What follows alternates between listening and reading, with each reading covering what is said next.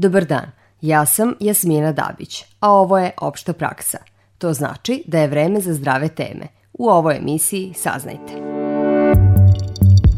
Da li će robot Marko nastaviti da pomaže obolelim mališanima? Generalno, u dakle, robotici je sada trend da roboti polako prelaze u okruženje ljudi. Da bi to zaista radilo tako, ljudi moraju da ih prihvate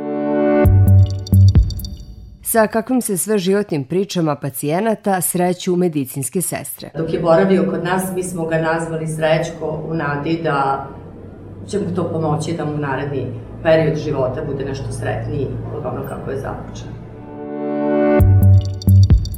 Kako napraviti ukusan obrok bez previše soli? To je generalno svetski problem, pa tako i kod nas.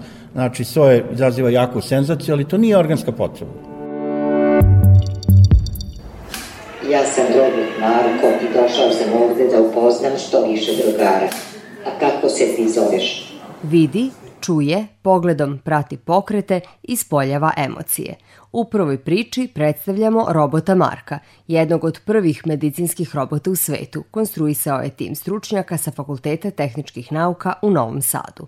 Docent Jovica Tasevski deo je tima koji je pratio testiranje u Novosadskoj dečijoj bolnici gde je Marko pomagao u terapiji dece sa smetnjama u razvoju. I kada bismo se uverili da je dete raspoloženo i spremno da sarađuje sa robotom, onda bismo prešli na onu fazu da dece izvode vežbe sa robotom dakle uz pratnju naravno terapeuta, to su vežbe gde dete treba da podigne jednu ruku, drugu ruku, da savije nogu u kolenu, da podigne nogu, da pokaže gde mu se nalazi glava, gde mu se nalazi stoma, dakle standardne terapijske vežbe koje bi inače radili sa terapeutom. Gledaj me kako ću ja da ponovim ono što sam dugo uvežbavao.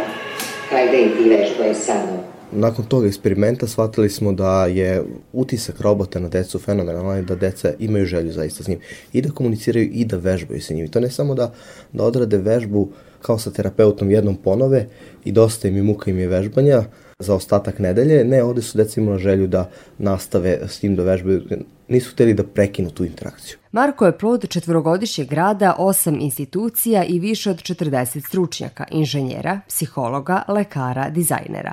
Veštine su mu pažljivo osmišljene kako bi deci sa smetnjama u razvoju olakšao svakodnevne, često duge i bolne terapije. Izveli smo eksperiment u kome je robot radio sa decom po 20 i 30 minuta gde je pet dana za redom traži od njih da ponavljaju iste vežbe i pokazali smo da deca i nakon pet dana vežbanja ne gube motivaciju i, i želju za rad sa robotom, već hoće sa njim da nasede, da mu pokažu da su bolji, da mogu da napreduju, posebno kad ih robot pohvali u toku izvođenja vežbi. Ja sam naučio neke vežbe pre nego što sam došao.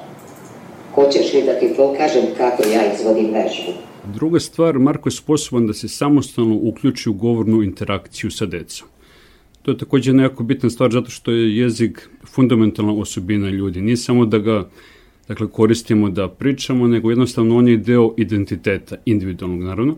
Tako da pokazalo se da je to doprinalo da se deca više vežu za Marka. Dakle, razvili su neku formu emotivnog vezivanja za Marka koje veoma dakle ključna da bi izdržali dugoročnu terapiju. Milan Gnjatović, takođe profesor FTN, objašnjava da je Marko plave boje jer su istraživanja pokazala da je ta boja deci najdopadljivija. Pomalo je bucmast jer se takođe pokazalo da mališani dobro reaguju na oble linije – Dopadljiv kakav jeste, Marko je postao miljenik ne samo dece, nego i roditelja i zaposlenih u bolnici. Generalno, u dakle, robotici sada trend da roboti polako prelaze u okruženje ljudi.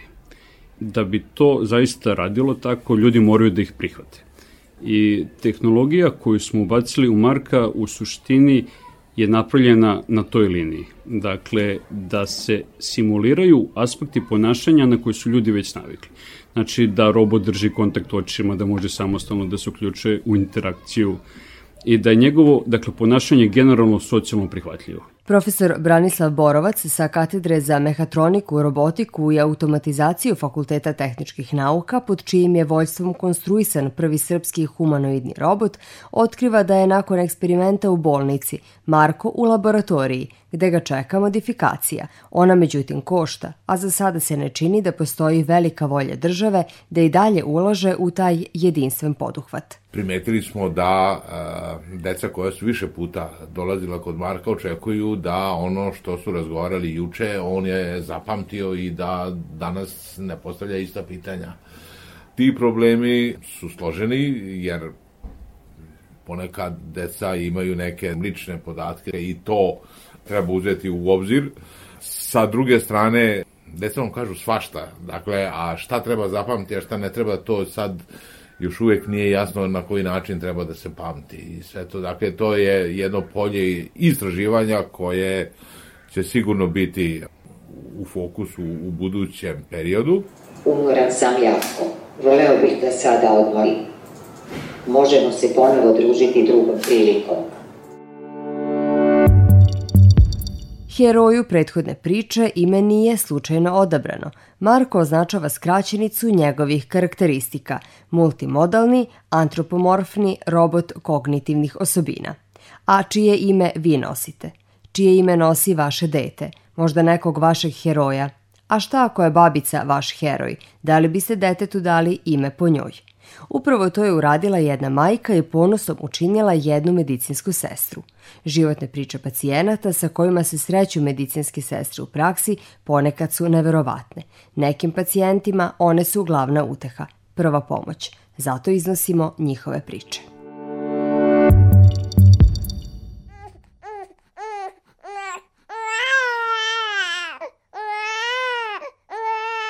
Bio je 21. oktobar 2016. godine. Tek rođenog dečaka majka je ostavila ispred Novosadske Betanije.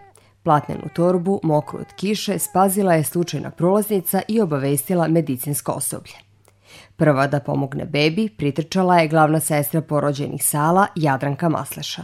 Ne razmišljajući prigrlila sam dete i potrčala odmah na neko toplo i bezbrižno mesto, gde sam bebu presvukla, utoplila, ponovo vratila pupak, pošto je nevešto bio podvezan nekom pertlicom. Dečak je ubrzo dobio ružičastu boju i krepko zaplakao. Vest o napuštenoj bebi brzo se širila porodilištem. Svi su bili u neverici, a nakon pregleda pedijatra mogli su da odahnu. Doktorka je pregledala bebu, konstatovala da je to jedno zdravo novorođenče. Uskoro smo ga utoplili, lepo obukli, izbrinuli. Dečakav život nije počeo kako treba, ali su u porodilištu odlučili da točak sreće okrenu u njegovu korist. Dok je boravio kod nas, mi smo ga nazvali Srećko u nadi da će mu to pomoći da mu naredni period života bude nešto sretniji od ono kako je započeo. Dok sestra Jadranka nikada neće zaboraviti Srećka, njenoj koleginici sa odeljenja neonatologije Slavici Vuković, u sećanju će ostati mlada majka koju je odlazak iz porodilišta učinio tužnom. U priči sam se zadržala sa njom da razgovaramo o čemu je problem. Ona je rekla da živi u vrlo skromnim uslovima, da nema priliku da odnese dete kući i da je potrebno neko vreme možda da bi se ona snašla. To vreme beba je ostala u porodilištu, a kako majka nije imala osnovne potrebštine, u pomoć su priskočile druge mame. Naravno u dogovoru sa našim lekarima, kontaktiran je naš klinički psiholog, kontaktiran je centar za socijalni rad, u dogovoru sa pacijentkinjom, ja sam, pošto sam tada već imala odlasnu devojčicu, dogovorila se sa njom da joj ponudim nešto garderobice, nosiku za iznošenje, garderobicu koja je izneta moja čerka, da je to pomogne samom startu pelenice, benkice, nešto što je minimalno, naravno sve pacijentkinje koje su se nalazile u blizini u toj sobi i pored čule su deo te priče, ponudile su svoje skromne da kažemo, ponude koje su imale pored sebe. Pomoć je stigla sa više strana i porodica je mogla da zadrži bebu. E, kasnije je uključena i lokalna zajednica, preko Centra za socijalni rad obezbeđen je ogreb za tu porodicu i saniranje prostorije, sve u cilju da bi mama zadržala svoje dete. Meni je dodatno bilo drago zato što sam u priči sa njom pitala kako se dete zove, dete nosilo isti ime kao ja i meni je bila dodatna lična satisfakcija i pomoć u tome. Prisjećajući se jedne od mnogih priča iz prakse, glavna sestra Urgentnog centra Kliničkog centra Vojvodine Dragana Nikolić priča kako je zimu s hitna pomoć dovezla baku koju je sin izbacio iz kuće na ulicu. Na početku radnog dana, posle vikenda, ispred sobe su me čekali medicinska sestra i tehničar, koji su radili noćnu smenu sa zabrinutim izrazom na licu, če sam im prilazila, znala sam da se nešto desilo.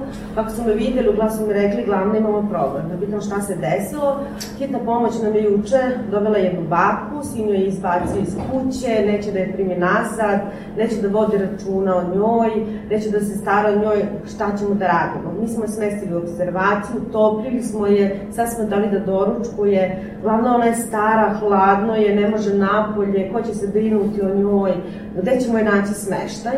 Mnogo pitanja na koja je teško dati odgovor, jer baka je sada beskućnica, a nije jedina koja je završila u urgentnom centru, jer tamo inače dolaze beskućnici da zimi prespavaju u toplom. Ovaj slučaj je utoliko gori što je od majke dete napravilo beskućnika. Otišli smo u observaciju do bake, porazgovarala s njom, ona mi ispričala svoju priču, obećala sam da ću učiniti sve što je u mojoj moći, da je obezbedimo smeštaj dok se ne reše porodični problemi. U dogovoru sa Centrom za socijalni rad, baki je istog dana obezbeđen smeštaj u prihvatilištu. I tako je naša baka ušuškana, a ne zaboravljena u observaciji dok podne čekala dolazak socijalne službe i odlazak u prihvatilište.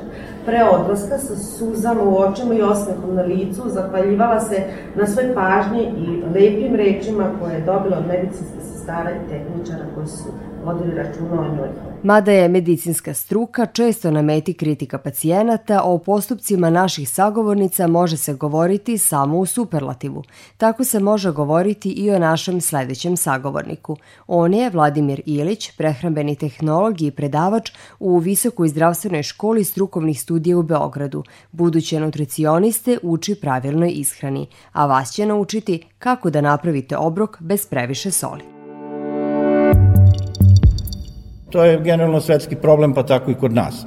Znači, soje izaziva jaku senzaciju, ali to nije organska potreba. Znači, to je navika čoveka da jede slano, ima potrebu da oseti jak ukus. Mada je so jedna od osnovnih životnih namirnica, količina koju većina koristi u ishrani nije poželjna. Previše soli podiže krvni pritisak, a time rizik od kardiovaskularnih bolesti, zadržava tečnost u organizmu, odgovorno je za gojaznost. Sa zdravstvenog aspekta i sa aspekta potreba našeg metabolizma tolika količina natrijuma uopšte nije potrebna. Znači, količina natrijuma koja se prirodno nalazi u namirnicama je sasvim dovoljna. Svetska zdravstvena organizacija zdravoj odrasloj osobi preporučuje kafenu kašičicu soli dnevno. Deci je dovoljno i mnogo manje. Treba uzeti u obzir da su mnogi industrijski prerađene namirnice skriveni izvori soli, poput instant supa, soja sosa, kečapa, senfa, majoneza. To je razlog više da se se prilikom pripremanja hrane ne dodaje previše soli. A kako onda napraviti ukusan obrok? Jednostavno, da neko proba da jede malo manje slano ili bez soli, za 14 dana navići će se potpuno da jede, ako koristi druge začine. Jer čovjek ima potrebu za nekom senzacijom ukusa. Slano je dominantan ukus, ali postoji gomila drugih ukusa. Postoje vrlo jaki pikantni začini u svetu čili, kari, kurkuma, znači izuzetno lepi začini cimet, recimo, koji se kod nas koristi isključivo za slatka jela. U svetu se koristi u azijskoj kuhinji i za slana jela. Svi ti dodaci, osim što su zamena za so, obilje su minerala i antioksidanasa. Imate karanfilić, cimet, lovorov list i kari. Kombinacija ta četiri začina, ona izuzetno podstiče rad pankrasa, lučenje insulina, što je jako bitno za prevenciju šećerne bolesti. Zbog modernog načina života, nažalost, šećerna bolest je sve više zastupljena i kod sasvim mladih ljudi. Evo mi sad imamo, imamo studenta, svakoj generaciji ima ih po nekoliko koji su diabetičari. Upotreba začina zavisi od toga da li su u zrnu, suvi ili sveži. Znači, ako su u pitanju zrna, kao što je recimo zrno bibera ili kim ili korijander ili bilo šta drugo, oni se dodaju na početku kunja, zato što je njima potrebno duže vreme da se ekstrahuju. Ukoliko se koriste suvi začini, oni se dodaju negde u, oko polovine i u drugoj polovini termičke obrade, ali moraju da prođu termičku obradu, zato što Mi ne znamo gde su oni skladišteni, šta je s njima bilo, e, možda su izgubljena usput eterska ulja, zaštitna funkcija začina je time izgubljena i zato smo mi sigurni ukoliko se oni podvrgnu termičkoj obradi, a drugo kad se podvrgnu termičkoj obradi dolaze do njihove izvezne aktivacije. E kad su u pitanju sveže začine, oni se dodaju na kraju. Dodavanje prirodnih aromatičnih začina pojačaće ukus hrane, ali ni sa njima ne treba preterivati. Jelo mora da ima onu svoju osnovnu dominantnu, dominantni ukus koji potiče od dominantnog sastojka. Jer ako osjećamo samo jedan začin u nekom jelu, onda smo već, što se kaže, preterali. U opštu praksu dođite i sledećeg četvrtka. U 12.15 na Radio Novom Sadu i odloženo na sajtu rtv.rs čekaju vas nove zdrave priče. Do narednog slušanja pozdravlja vas Jasmina Dabić.